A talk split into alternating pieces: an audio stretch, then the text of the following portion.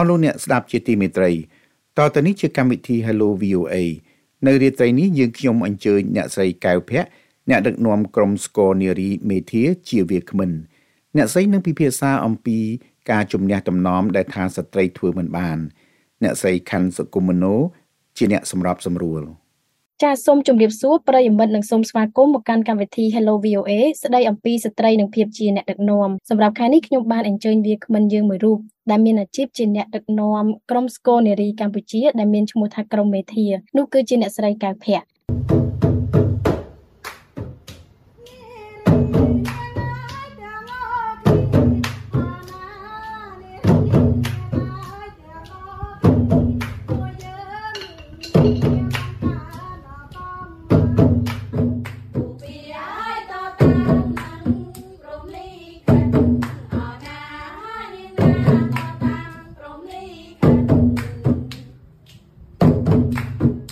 ចាប្រិយមិត្ត VOA ក្រុមស្គរមេធាបានបង្កើតឡើងកាលពីឆ្នាំ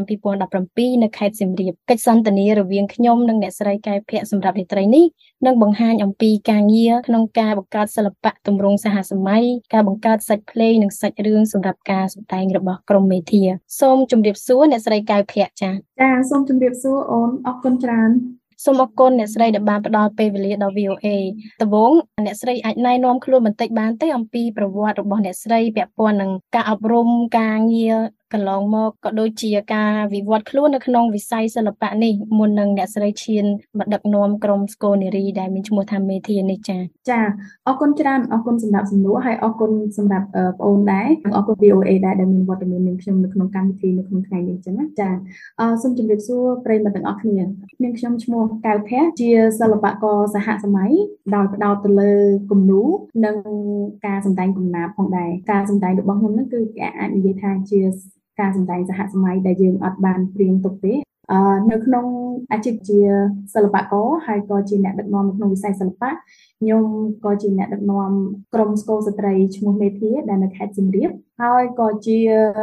មនុស្សម្នាក់ដែលធ្លាប់មានបទពិសោធន៍ការងារនៅក្នុងវិស័យសិល្បៈនេះក្នុងការងារនៅវិចិត្រសាលនៅហាងគំនូរឬក៏នៅ Art Center ជាដើម ដែលធ្លាប់មានបទពិសោធន៍ការងារទាំងអស់នោះនៅខេត្តបាត់ដំបងនៅខេត្តសៀមរាបនិងភ្នំពេញផងដែរហើយសប្តាហ៍នេះក្តីសុបិនរបស់ខ្ញុំទៅមុខទៀតហ្នឹងគឺយើងចង់ធ្វើការបន្តការងារក្នុងនាមជាអ្នកដឹកនាំនៅក្នុងវិស័យសិល្បៈ ចាអ្នកស្រីអាចណែនាំបន្តិចបានទេអំពីក្រុមស្គរមេធានេះថាប្រិយមិត្ត VOA ប្រហែលជាចង់ដឹងថាតើក្រុមស្គរនារីហ្នឹងមានសមាជិកមកពីណាទៅប្រហែលអ្នកទៅហើយដើមហេតុអីបានពួកគាត់មកជុំគ្នាបង្កើតជាក្រុមបង្កើតជាសាច់ភ្លេងនៃស្គរអញ្ចឹងណាហើយក៏ដូចជាទស្សនវិស័យរបស់អ្នកស្រីផ្ទាល់នៅក្នុងការដឹកនាំក្រុមនេះចាចាអរគុណ អឺនៅក្នុងក្រុមមេធាយើងមានសហស្ថាបនិកពីររូបដែលក្នុងនោះមានឈ្មោះម៉ែនម៉ៅនិងឈ្មោះសាំងជ្រពេចគាត់ជាអ្នកបង្កើត ជាអ្នកផ្ដើមគំនិតនៅក្នុងការបង្កើតក្រុមស្ពោស្ត្រីមេធានេះឡើងហើយបន្តបន្តមកទៀតហ្នឹងគឺពួកគាត់បានប្រមូលស្ត្រីផ្សេងផ្សេងទៀតដែលនៅក្នុងខេត្តសៀមរាបហ្នឹងដែលពួកគាត់មាន background មានឈាមជ័រជាមកមកពីគ្រួសារជាសិល្បករប៉ុន្តែពួកគាត់ដើរនៅក្នុងឬក៏ធំដឹងក្តីនៅក្នុងគ្រួសារជាសិល្បករជាអ្នកភ្លេងប៉ុន្តែពួកគាត់អត់អាចអត់បានទទួលការលើកទឹកចិត្តឬក៏ការជ្រោមជ្រែងឲ្យខ្លាយទៅជាសិល្បករទេព្រោះឪពុកម្ដាយគាត់ឬក៏បងប្អូនឬក៏មនុស្សដែលនៅជុំវិញខ្លួនគាត់តែងតែគិតថាអូគាត់ ក្មេងស្រីគាត់កូនស្រីគាត់គង់តែខ្លាយទៅជាប្រពន្ធគេគាត់គង់ខ្លាយទៅជាម្ដាយគេអញ្ចឹងហើយគាត់មិនបាច់ធ្វើអីច្រើនទេថ្ងៃក្រោយទៅគាត់នៅតែផ្ទះមើលតែកូនថែតែប្តីអឺដាំបាយចក្រានជើងឆ្នាំងអីចឹងណាហ្នឹងហើយអញ្ចឹងពួកគាត់បានប្រមូលផ្ដុំគ្នាដើម្បីបង្កើតក្រុមស្គរស្ត្រីនេះឡើងហ្នឹងគឺចង់បង្ហាញពីសមត្ថភាពពីសក្តានុពលរបស់ស្ត្រីហ្នឹងគឺពួកគាត់អាចធ្វើអ្វីបានដូចជាបរិះអញ្ចឹងអឺបើគាត់កើតមកគាត់មានកាយសម្បទានគ្រប់គ្រាន់គាត់មានចំណេះដឹងឬក៏មានខួរក្បាលមានគេហៅថាកម្លាំងនិងគំនិតរបស់គាត់ចង់ខ្លាយទៅជាសិល្បករចង់ខ្លាយទៅជាអ្នកសម្ដែងអញ្ចឹងហើយគាត់ចង់ធ្វើវាហើយគាត់ចង់ជំនះពាក្យដែលថាស្ត្រីអាចធ្វើឲ្យបានចាចាអញ្ចឹងហើយពួកគាត់ទាំងអស់គ្នាបានមួមតិគ្នាឬក៏រួមកម្លាំងគំនិតគ្នាហ្នឹងបង្កើតជាក្រុមស្គរស្ត្រីនេះឡើងហើយមួយវិញដែរនោះគឺពួកគាត់តែគិតថានឹងលឺជារឿយៗថា ស្ត្រីអត់អាចលេងស្គរបានទេចង់និយាយថាគេមានដំណំអញ្ចឹងណាតាមតាមខ្មែរបុរាណយើងគេគិតថាស្ត្រីមិនអាចលេងភ្លេងបានមិនអាចលេងស្គរបានព្រោះវាជាឧបករណ៍របស់មនុស្សប្រុសគេដំណំគេឲ្យស្ត្រីលេងនេះ ប៉ុន្តែដល់ពេលនៅពេលដែលពួកគាត់បានជួបគ្នាបានជជែកគ្នាបានស្រាវជ្រាវហើយក្នុងនោះដែរពួកគាត់បានជួបជាមួយនឹងចាស់ព្រឹទ្ធាចារ្យជាច្រើនហើយក៏គាត់ដឹងថាពីមុនឡើយនោះពីដើមឡើយនោះគឺមានស្គរស្ត្រីមានក្រុមស្គរស្ត្រីហើយបើសិនជាយើងបានទៅទស្សនាប្រាសាទបាយ័ននៅភាគខាងកើតទិសខាងកើតនៃប្រាសាទបាយ័ន យើងឃើញមានចម្លាក់ដែលគេមានឆ្លាក់ពីសកម្មភាពរបស់ស្ត្រីដែលគាត់លេងស្គរហើយទៅធ្វើសង្គ្រាមចាអញ្ចឹងហើយវាជាវាជាទឹកចិត្តមួយវាជាក្តីសុបិនមួយដែលធ្វើឲ្យគាត់ហ្នឹងមានគំនិតមានកម្លាំងចិត្តក្នុងការគិតពីក្នុងការបង្កើតក្រុមស្គរស្ត្រីនឹងឲ្យមានសកម្មភាពកាន់តែខ្លាំងជាងមុនពីរដ្ឋធានី Washington សំលេងសហរដ្ឋអាមេរិក ចាអ្នកស្រីកៅភ័ក្រផ្ទាល់វិញថាតើកត្តាអីទៅជំរុញអ្នកស្រីឲ្យចាប់យកអាជីពវិស័យសិល្បៈក្នុងទម្រង់សហសម័យនេះហើយចូលខ្លួនមកដឹកនាំក្រុមស្គរនារីនេះចា ចាពីមុនដំបូងឡើយនោះខ្ញុំពីក្មេងហ្នឹងក៏ដូចជាស្ត្រីដទៃទៀតដែរដែលមិនដឹងថាខ្លួនឯងនឹងចង់ធ្វើអីដែលមិនដឹងថាអូសិល្បៈនឹងស្អីទៅបែរមកពីទិសខាងណាមានពណ៌អីចឹងណាចាដូចស្ត្រីដទៃទៀតប៉ុន្តែមានថ្ងៃមួយដែលខ្ញុំបានស្ដាប់បទចម្រៀងរបស់តារាចម្រៀងអន្តរជាតិមួយគាត់ឈ្មោះ Michael Jackson ហើយបទចម្រៀងនេះគឺវាដកនៅក្នុងបេះដូងខ្ញុំរហូតដល់ថ្ងៃនេះហើយខ្ញុំគិតថាវាជាអំណាចនៃសិល្បៈដែលនាំខ្ញុំមកដល់សប្តាហ៍នេះហ្នឹង គឺបទចម្រៀងរបស់ Michael Jackson មានចំណងជើង We Are the World ហើយក្នុងខ្ញុំចាំបានហ្នឹងថាក្នុងអំឡុងពេលហ្នឹងគឺខ្ញុំប្រហែលជាអាយុ22 23ឆ្នាំហើយតែពេលនោះខ្ញុំអត់ទាន់ចេះភាសាអង់គ្លេសទេសម័យហ្នឹងវាលក្ខណៈថា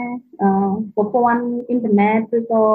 ចំណេះដឹងរបស់ស្ត្រីយើងហ្នឹងវាអត់ទាន់ទូលំទូលាយដូចឥឡូវហើយអញ្ចឹងខ្ញុំខ្ញុំអត់ចេះភាសាអង់គ្លេសទេប៉ុន្តែខ្ញុំទទួលបានអារម្មណ៍អស្ចារ្យមួយពីពីបទចម្រៀងនោះហើយខ្ញុំតែងតែចងចាំបទចម្រៀងនឹងក្នុងចិត្តរហូតរហូតដល់ពេលមួយខ្ញុំបានជួបជាមួយនឹងមិត្តភ័ក្តិរបស់ខ្ញុំហើយគាត់ជាអ្នកបកប្រែភាសាអង់គ្លេសហើយគាត់ក្រុមតួអញ្ចឹងណាក្រុមអ្នកទេសចរអញ្ចឹងអញ្ចឹងគាត់បានបកប្រែបទចម្រៀងនេះសម្រាប់ខ្ញុំហើយខ្ញុំក៏ភ្ញាក់ផ្អើលក្នុងចិត្តមែនទែនថាអូសិល្បៈអស្ចារ្យដល់ម្លឹងអឺ នាំយកអ្វីមួយដែលនៅខាងបច្ចិមប្រទេសយកមកដល់កម្ពុជាហើយខ្ញុំអត់ដែលស្គាល់ភាសាអង់គ្លេសអត់ដែលអីប៉ុន្តែហេតុអីបានខ្ញុំទទួលអារម្មណ៍នៃបទចម្រៀងនេះបាន អញ្ចឹងខ្ញុំចាប់ដើមគិតអំពីថាអូខេសិល្បៈអាចលក្ខណៈថាអាចព្យាបាលមនុស្សបានអាចពំនាំជាស្ពានមួយដែលនាំអ្វីមួយនិងអ្វីមួយទៀតភ្ជាប់ផ្សារភ្ជាប់គ្នាបានអញ្ចឹងណាអញ្ចឹងខ្ញុំក៏ចាប់ដើមដកជាប់នៅក្នុងវិស័យសិល្បៈនេះរហូតរហូតដល់ខ្ញុំបានទៅធ្វើចូលរៀនខ្ញុំបានចូលរៀនទៅអង្គការ ពន្លឺសិល្បៈនៅក្នុងខេត្តបាត់ដំបងខ្ញុំបានចូលរៀនផ្នែកគំនូរទៀតដោយសារតែពេលហ្នឹងខ្ញុំគិតថាខ្ញុំចង់ចូលរៀនភ្លេងប៉ុន្តែថ្នាក់ភ្លេងនេះគេឈប់ទទួលអញ្ចឹងណាអញ្ចឹងទៅក៏ខ្ញុំនៅពេលហ្នឹងមកដល់នឹងថាខ្ញុំរៀនគំនូរទៅ ចឹងក៏ខ្ញុំរៀនគណូខ្ញុំរៀនគណូរហូតបាន2ឆ្នាំនៅទីនោះហើយខ្ញុំក៏ចាប់ដើមស្គាល់មិត្តភ័ក្តិជាសិល្បករស្គាល់អង្គការស្គាល់ស្ថាប័នផ្សេងផ្សេងស្គាល់ gallery ស្គាល់និយាយរួមអាយើងបានចូលខ្លួនឯងនៅក្នុងវិស័យសិល្បៈហ្នឹងអញ្ចឹងខ្ញុំក៏ចាប់ដើមមានអារម្មណ៍មួយថាអូខេខ្ញុំខ្ញុំចង់ធ្វើអីផ្សេងច្រើនជាងនឹងទៀតខ្ញុំចង់ខ្ញុំគិតថាខ្ញុំឃើញពីសមត្ថភាពរបស់ខ្លួនឯងថាខ្ញុំអាចបន្តសកម្មភាពក្នុងក្នុងវិស័យសិល្បៈនេះបានច្រើនជាងនឹងអញ្ចឹងអញ្ចឹងខ្ញុំក៏ចាប់ដើមបន្តសកម្មភាពក្នុងការទៅធ្វើការទៅរៀនយើង apply យក soft course យកវគ្គខ្លីៗសិក្ខាសាលាផ្សេងៗទៅទាក់ទងជាមួយនឹងវិស័យសិល្បៈនេះរហូតមកដល់បច្ចុប្បន្នហ្នឹងហើយខ្ញុំក៏បានទទួលបានបទពិសោធន៍ក្នុងការធ្វើការនៅក្នុងវិទ្យាសាស្ត្រក្នុងការដឹកនាំឬក៏ដឹកនាំក្រុមឬក៏ដឹកនាំការកម្មវិធីមហោស្រពសិល្បៈផ្សេងៗនៅខេត្តបាត់ដំបងនិងនៅក្នុងប្រទេសជាដើមឡើយអានឹងហើយដែលជា ជំរុញទឹកចិត្តរបស់ខ្ញុំនឹងឲ្យចង់ខ្លាយទៅជាអ្នកដឹកនាំនៅក្នុងវិស័យសិល្បៈមួយហើយជាក់ស្ដែងទៅនៅក្នុងប្រទេសកម្ពុជាយើងយើងមានសាលាដែលបង្ហាត់បង្រៀនអំពីជំនាញនៅក្នុងវិស័យសិល្បៈប៉ុន្តែអត់ទាន់មានសាលាដែលដែលអាចបង្ហាត់បង្រៀនឬក៏សាលាដែលអាចធ្វើឲ្យបុគ្គលម្នាក់ឬក៏សិល្បករម្នាក់ហ្នឹងអាចវិវត្តវិវត្តខ្លួនទៅជាអ្នកដឹកនាំក្នុងវិស័យសិល្បៈដែលភាសាអង់គ្លេសថា curator អីជាដើមហ្នឹង អត់មានទេអត់បានមានទេតែនៅប្រទេសថៃនៅប្រទេសវៀតណាមគឺគេមានមានសាលាដែលគេអាចរៀនបានរហូតដល់ទៅខ្លាយទៅជា tutor អីចឹងនៅស្រុកខ្មែរយើងអត់បានមានអញ្ចឹងសិល្បករឬក៏អ្នកដឹកនាំសិល្បៈជាច្រើនហ្នឹងគឺគាត់ចេញកើតចេញពីការសិក្សាឬក៏ការធ្វើការតាមបទពិសោធន៍របស់គាត់ហើយអ្វីមួយដែលជាជំរុញឲ្យខ្ញុំមកធ្វើជាប្រធានក្រុមមកចូលរួមក្នុងសកម្មភាពដឹកនាំក្រុមរបស់ក្រុមមេធាវីហ្នឹងគឺដោយសារតែ ពេលដែលខ្ញុំទៅរៀននៅអង្គការហ្វាពលិសិល្បៈហ្នឹងនៅពេលដំបូងដំបូងដែលខ្លួនចូលប្រឡូកនៅក្នុងវិស័យសិល្បៈហ្នឹងក៏ទទួលបានការរិះគន់ទទួលបានការអឺអ្នកងាយពីមនុស្សប្រុសឬក៏ពីមនុស្សនៅជុំវិញខ្លួនដែរអញ្ចឹងខ្ញុំគិតថាអូតែអើយជឿខ្ញុំទៅទៅដាំបាយអត់ម៉ែហូបទៅល្អជាមកគូរូប អញ្ចឹងខ្ញុំមានអារម្មណ៍មួយថាយើងឈឺចិត្តណាយើងឈឺចិត្តថាយើងយើងយើងចង់ផ្លាស់ប្ដូរខ្លួនឯងនៅក្នុងវិស័យសិល្បៈនោះប៉ុន្តែយើងអត់ទទួលបានការលើកទឹកចិត្តការជួយជុំជ្រែងទេអញ្ចឹងនៅដល់ពេលអញ្ចឹងយើងមានអារម្មណ៍មួយថាយើងឈឺចិត្តហើយចេះតែប្រាប់ខ្លួនឯងមួយថានៅពេលថ្ងៃអនាគតនៅពេលដែលយើងអាចមានបទពិសោធន៍គ្រប់គ្រាន់ឬក៏មានបទពិសោធន៍វាមិនគ្រប់គ្រាន់ឬក៏លើសគេអីទេគ្រាន់ថាវាគ្រប់គ្រាន់មួយនៅក្នុងការជួយអ្នកដទៃបានអញ្ចឹងខ្ញុំនឹងផ្ដល់ឱកាស ឬក៏ផ្ដល់ឱកាសខ្លួនឯងហ្នឹងដើម្បីទៅជួយអ្នកដទៃអ្នកដែលត្រូវការជំនួយពីខ្ញុំដែរនឹងពេលមួយហ្នឹងខ្ញុំទៅសិក្ខាសាលានៅខេត្តសៀមរាបហើយខ្ញុំក៏ជួបជាមួយនឹងក្រុមស្គរស្ត្រីមេធាហ្នឹងអញ្ចឹងហើយក៏យើងទៅជែកគ្នាជាច្រើនអំពីវិស័យសិល្បៈរាល់រឿងរ៉ាវនៅក្នុងវិស័យសិល្បៈជាច្រើនអញ្ចឹងណាហើយក៏យើងឃើញថាខ្ញុំជាសិល្បករម្នាក់ជាអ្នកដឹកនាំក្នុងវិស័យសិល្បៈម្នាក់ហ្នឹងហើយគាត់ជាក្រុមស្គរស្ត្រីមេធាហ្នឹង យើងមានទស្សនវិស័យដូចគ្នាតែយើងចង់ផ្លាស់ប្ដូរគំនិតរបស់សង្គមថាស្ត្រីមិនអាចធ្វើអ្វីបានថាស្ត្រីហ្នឹងគឺគួរតែជាប្រពន្ធយើងនៅតែជាប្រពន្ធយើងនៅតែជាម្ដាយរបស់គេប៉ុន្តែយើងអាចធ្វើអ្វីផ្សេងជាច្រើនទៀតដែលយើងអឺតាមសមត្ថភាពរបស់យើងអាចធ្វើទៅបានអញ្ចឹងណាអញ្ចឹងខ្ញុំគិតថាអឺយើងមានទស្សនវិស័យដូចគ្នាអញ្ចឹងយើងអាចធ្វើការជាមួយគ្នាបានហើយម្យ៉ាងទៀតនៅក្នុងឱកាសពេលហ្នឹងហ្នឹងគឺវាកំពុងតែមានបញ្ហាផលប៉ះពាល់ខ្លាំងមែនទែន ទៅលើវិស័យសិល្បៈដោយសារតែជំងឺ Covid អញ្ចឹងហើយហ្នឹងគាត់គាត់ជាស្ត្រីមេម៉ាយហើយជាម្ដាយកូនកូនដែរហ្នឹងគាត់ត្រូវការជំនួយខ្លាំងមែនទែនអញ្ចឹងហើយខ្ញុំក៏ចូលរួមជាមួយគាត់នៅក្នុងការបង្កើតឲ្យមានសកម្មភាពអីថ្មីៗរបស់វិទ្យាហើយបង្កើតឲ្យមានការសម្ដែងផ្សេងៗជាច្រើនទៀត ចាចាអ្វីដែលអ្នកស្រីបានលើកឡើងបាញ់មិញអញ្ចឹងថាសមាជិករបស់ក្រុមស្គរនារីមេធាហ្នឹងគឺចម្រុះមែនតែនដែលថាមានភាគច្រើនហ្នឹងមានជាស្ត្រីដែលគាត់អ្នកមានគ្រួសារជាប់កាតព្វកិច្ចគ្រួសារនិងជាស្ត្រីមេម៉ាយជាដើមអញ្ចឹងណាអញ្ចឹងតើបញ្ហាប្រឈមរបស់ពួកគាត់អឺបើយើងនិយាយថារឿងកូវីដហ្នឹងមួយតែផ្សេងផ្សេងទៀតមានដែរទេបញ្ហាប្រឈមរបស់ពួកគាត់ក៏ដូចជារបស់អ្នកស្រីផ្ទាល់ក្នុងការដឹកនាំក្រុមនេះ គេថាឧបសគ្គអីខ្លះកន្លងមកទម្រាំទៅដល់ដល់ថ្ងៃនេះអញ្ចឹងណាចាអឺទម្រាំបានមកដល់ថ្ងៃនេះហ្នឹងគឺយើងមានមានឧបសគ្គច្រើនយើងមានឧបសគ្គច្រើនគឺថាទោះបីជាយើងមានទស្សនវិស័យដូចគ្នាយើងមានក្តីសុបិនដូចគ្នា ប៉ុន្តែអឺមនុស្សយើងម្នាក់ម្នាក់មានគូក្បាលមានគំនិតខុសគ្នាអញ្ចឹងទម្រាំទៅយើងអាចអូសទាញការគិតរបស់សមាជិកមួយមួយឲ្យបានមកចូលគ្នាបានទម្រាំទៅយើងអាចអភិវឌ្ឍសមត្ថភាពរបស់សមាជិកមួយមួយឲ្យគាត់យល់ពីអប្រព័ន្ធនៃការងារទាំងអស់ហ្នឹងគឺវាចំណាយពេលយូរហើយអ្វីដែលមួយទៀតនោះ នៅក្នុងប្រទេសកម្ពុជាយើងហ្នឹងគឺអត់ទាន់មានអ្នកដែលយល់ឬក៏ឲ្យតម្លៃទៅលើវិស័យសិល្បៈហ្នឹងទេពួកគាត់នៅតែគិតថាអូស្រីស្រីខ្លាចជាសិល្បករអញ្ចឹងហើយវាអញ្ញាញ៉ៃអីចឹងណាវាខូចខើវាណែនវានោះអីចឹងទៅហ្នឹងការគិតរបស់សង្គមរបស់យើងនឹងហើយអញ្ចឹងហើយយើងយើងយើងមានផលវិបាកត្រង់ថាយើងខ្វះការគ្រប់គ្រងពីសង្គមយើងខ្វះការគ្រប់គ្រងពី អតិថិជនហើយដែរខ្ញុំនិយាយថាអតិថិជនគឺពួកយើងអឺជាសិល្បករយើងមានយើងឡើងសម្ដែងអញ្ចឹងយើងមានអតិថិជនរបស់យើងដែលគាត់មកទិញការសម្ដែងរបស់យើងអញ្ចឹងពេលខ្លះយើងមានបញ្ហាបែបហ្នឹងដោយសារតែពួកគាត់អត់ទាន់បានយល់និងឲ្យតម្លៃទៅលើសិល្បករឬក៏វិស័យសិល្បៈនេះទេ គាត់គិតថាវាគ្រាន់តែជាវត្ថុឬក៏ការកំសាន្តមួយអញ្ចឹងណាអញ្ចឹងគាត់អត់ចេះជាឲ្យតម្លៃទេអញ្ចឹងហើយយើងមានបញ្ហាផងថាគាត់អត់ចេះឲ្យតម្លៃអញ្ចឹងគាត់ក៏មិនសូវជាលក្ខណៈថាឲ្យតម្លៃខ្ពស់ទៅលើយើងដែរអញ្ចឹងណាអាហ្នឹងហើយជាបញ្ហាហើយយើងព្យាយាមក្នុងការធ្វើមិនដើម្បីពួកគាត់យល់ហើយម្យ៉ាងទៀតអឺសមាជិករបស់មេធាឬក៏អ្នកសម្ដែងទាំងអស់ហ្នឹងដឹងស្រាប់ហើយគាត់ស្រាប់តែជាម្ដាយហើយគាត់ជាស្ត្រីមួយហ្នឹងអញ្ចឹងនៅពេលដែលយើងទៅណា ទៅសម្ដែងនៅណាអញ្ចឹងយើងត្រូវការយកកូនយើងទៅដែរហើយមានពេលមួយនេះខ្ញុំខ្ញុំមានអារម្មណ៍ថាវាវា unfair មែនទែនតែមកពេលដែលយើងទៅធ្វើការសម្ដែងណាមានក្រុមខ្ញុំមិនអាចបញ្ចេញឈ្មោះបានមានក្រុមមួយនោះគាត់សត្វតែប្រុសប្រុសហើយយើងនេះសត្វតែស្រីស្រីហើយនៅខ្ញុំគេអង្គុយរៀបចំខ្លួនមកក្រុមហើយយើងស្រីស្រីក្រុមមេធានហ្នឹងយើងអង្គុយរៀបចំខ្លួនមកក្រុមហើយដល់ពេលខ្ញុំឈរពីចម្ងាយមើលទៅយើងយើងអត់ យើងអកណៃកម្មវិធីហ្នឹងណាយើងអកណៃកម្មវិធីហ្នឹងដល់ពេលអញ្ចឹងមាន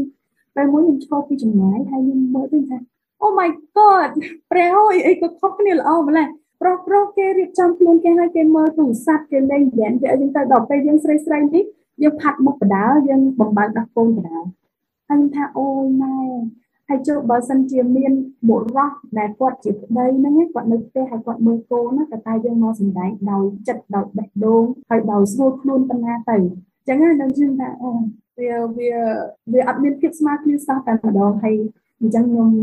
ខ្ញុំគិតក្នុងចិត្តថាអូខេយើងត្រូវការធ្វើវាហើយយើងធ្វើវាឲ្យធំជាងមុន ហើយយើងនៅតែបង្ហាញពីនៅតែនិយាយពីបញ្ហារបស់យើងដើម្បីឲ្យសង្គមដឹងនៅពេលដែលយើងមានបញ្ហាយើងអត់និយាយទេគេនៅតែអត់ដឹងអញ្ចឹងអញ្ចឹងយើងត្រូវតែនិយាយនិយាយឲ្យច្រើនដើម្បីឲ្យគេដឹងពីបញ្ហារបស់យើងរហូតដល់ពេលមួយដែលយើងអាចទទួលបាននៅភាពស្មើគ្នា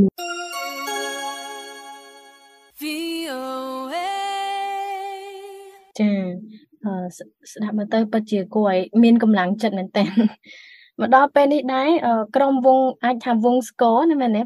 ចាក្រុមវងស្គរនារីមេធាហ្នឹងក៏ដូចជាទម្រង់សិល្បៈសហសម័យហ្នឹងមានប្រជាប្រិយភាពឬក៏ការគ្រប់គ្រងយ៉ាងណាដែរទៅពីសំណាក់ទស្សនិកជនកម្ពុជាហ្នឹងដូចថាមានការលំបាកខ្លះទេ ក្នុងការបង្កើតអីថ្មីសម្រាប់បម្រើដល់ការកំសាន្តនិងចំណេះដឹងរបស់ទស្សនិកជនហ្នឹងតែគាត់យល់ឬក៏គាត់មានការគ្រប់គ្រងច្រើននៅចំពោះទម្រង់សហសម័យអញ្ចឹងចាអឺរយៈពេលដែលយើងរត់ពី COVID មកហ្នឹងគឺរយៈពេលដល់តាមតែយើងធ្វើការជាមួយគ្នាយ៉ាងសកម្មហ្នឹងគឺរយៈពេល1ឆ្នាំកន្លះហើយខ្ញុំសង្កេតឃើញថាការផ្លាស់ប្ដូរ និងការគ្រប់គ្រងពីទស្សនិកជនពីមហាជនយើងគឺមានច្រើនជាងមុនពួកគាត់មានការគ្រប់គ្រងមួយក្រុមទៀតដែលជាអតិថិជនហ្នឹងពួកគាត់គ្រប់គ្រងច្រើនដែរហើយយើងធ្លាប់បានឡើងឆាកសម្ដែងយើងអត់ទាន់បានទៅដល់ក្រៅប្រទេសទេប៉ុន្តែយើងបានឆាកសម្ដែង នៅក្នុងប្រទេសកម្ពុជាយើងហ្នឹងតែជាឆាកអន្តរជាតិដូចជាមហោស្រពយុវជនអាស៊ានជាដើមដូចជាកម្មវិធីប្រចាំឆ្នាំរបស់ក្រុមហ៊ុនមួយដែលអញ្ជើញសិស្សតែតារាអន្តរជាតិចូលរួមដែរអញ្ចឹងណាអញ្ចឹងខ្ញុំគិតថាវាជាសមិទ្ធផលដ៏អស្ចារ្យមួយសម្រាប់ក្រុមវិទ្យាហើយក៏ជាសមិទ្ធផលនៃការគ្រប់គ្រងពីមហាជនរបស់យើងដែរអញ្ចឹងជាក់ស្ដែងហ្នឹងពេលនេះយើងកំពុងតែបន្តសកម្មភាពរបស់យើងឲ្យកាន់តែធំទូលំទូលាយជាងមុនទៀតដែលយើងកំពុងតែទទួលបានសិស្សដើម្បីបង្ហាត់បង្ហាត់បង្រៀនឲ្យខ្លាយទៅជាចំណងក្រោយរបស់វិទ្យាអញ្ចឹងណា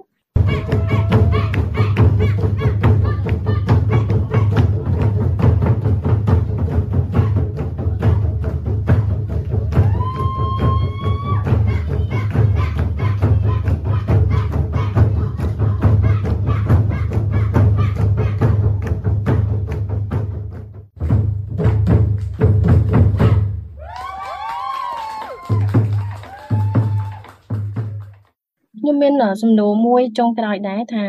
ក្នុងនាមអ្នកស្រីបន្តដែលថាជាអ្នកដឹកនាំមួយនៅក្នុងវិស័យសិល្បៈសហសម័យនឹងតើកន្លងមកធ្លាប់មានរឿងរ៉ាវដែលលំបាកខ្លាំងក្នុងការដោះស្រាយដែលធ្វើឲ្យអ្នកស្រីគិតថាចង់ចោះចាញ់ឬបោះបង់ចោលគោលដៅអ្វីមួយដែរទេហើយធ្វើបែបម៉េចវិញទៅដើម្បីដែលថាដោះស្រាយពេលហ្នឹង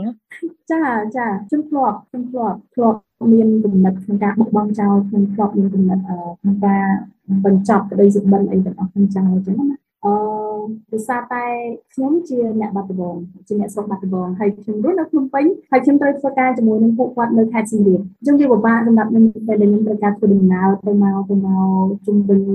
ជុំវិញខេត្តបឹងទលេសាបហ្នឹងខេត្តនៅជុំវិញបឹងទលេសាបហ្នឹងខ្ញុំធ្វើដំណើរច្រើនមែនទែនរហូតដល់ពេលខ្លះព្រលឹមឡើងខ្ញុំនៅសៀមរាបយប់ឡើងខ្ញុំបានពេញគ្នាហើយដល់ពេលអញ្ចឹងខ្ញុំត្រូវការធ្វើដំណើរច្រើនជាងគេនៅផ្ទះទៀតអញ្ចឹងហើយអឺហ ត់ពេលមួយដែលយើងហត់មែនតើយើងអស់កម្លាំងចិត្តតែម្ដងណានៅពេលដែលរាងកាយយើងអស់ហត់អស់កម្លាំងអាផ្លូវចិត្តយើងហ្នឹងក៏វាអាចប៉ះពាល់អញ្ចឹងវាជាបញ្ហាខ្លាំងសម្រាប់ខ្ញុំខ្ញុំដល់នៅពេលយើងហត់យើងហត់យើងចាប់ដើមមានអារម្មណ៍ថាអូខ្លួនឯងខ្លួនខ្លួនត្រូវដើម្បីអីអត់បានលុយហើយហត់មែនតើហើយមិនថែមទាំងមិនមានការគ្រប់គ្រងពីទស្សនិកជនរបស់យើងទៀតជាងហត់យើងចង់បោះបង់ចោលអញ្ចឹងណាប៉ុន្តែអឺដែលជា កម្លាំងចិត្តមួយដ៏ខ្លាំងក្លាហ្នឹងគឺដៃគូរបស់ខ្ញុំនឹងឯងដៃគូជីវិតរបស់ខ្ញុំណាគាត់ប្រាប់ថាអឺវាជាក្តីសុបិនហើយបើសិនជាយើងអត់បន្តទៅមុខទេគឺអត់កើតឡើងទេហើយអានឹងហើយខ្ញុំគិតថាអូខេមនុស្សស្រីដែលគាត់មានបញ្ហាហើយគាត់ចង់ជំនះអ្វីមួយក៏ដោយសារមនុស្សប្រុសហើយមនុស្សស្រីដែលគាត់ប្រឹងប្រែងជាមុខបានហ្នឹងក៏ដោយសារតែការលើកទឹកចិត្តការចូលរួមចំណែកពីមនុស្សប្រុសដែរ ខ្លួនគាត់នេះសំខាន់តែមនុស្សប្រុសដែលនៅចិត្តខ្លួនគាត់ហ្នឹងក៏សំខាន់ដែរចឹងខ្ញុំគិតថាខ្ញុំខ្ញុំខ្ញុំចង់ការផ្លាស់ប្ដូររបស់ខ្ញុំគឺខ្ញុំអត់ចង់ឲ្យមនុស្សប្រុសអមនុស្សស្រីគិតថាអូខ្ញុំអត់ចាជាមនុស្សប្រុសខ្ញុំខ្លាំងជាមនុស្សប្រុសខ្ញុំអឺបកាយជាមនុស្សប្រុសឯងខ្ញុំគិតថាមនុស្សប្រុសមនុស្សស្រីប្រកបដូចគ្នាហើយម្យ៉ាងទៀតគឺចិត្តគិតទៅទៅសមាជិករបស់ក្រុមមេធាវីទាំងអស់គ្នាថាអូបើខ្ញុំអត់ធ្វើតែអ្នកណាអាចធ្វើបានអ្នកណាអាចជួយបានសម្រាប់គាត់អញ្ចឹង ហើយអ្វីដែលយើងធ្វើនេះវាប៉ុន្តែជាចំណុចមួយដែលយើងចាប់ដើមទេយើងជំរុញគាត់ឲ្យមានអារម្មណ៍ថាលុបលុំទីទី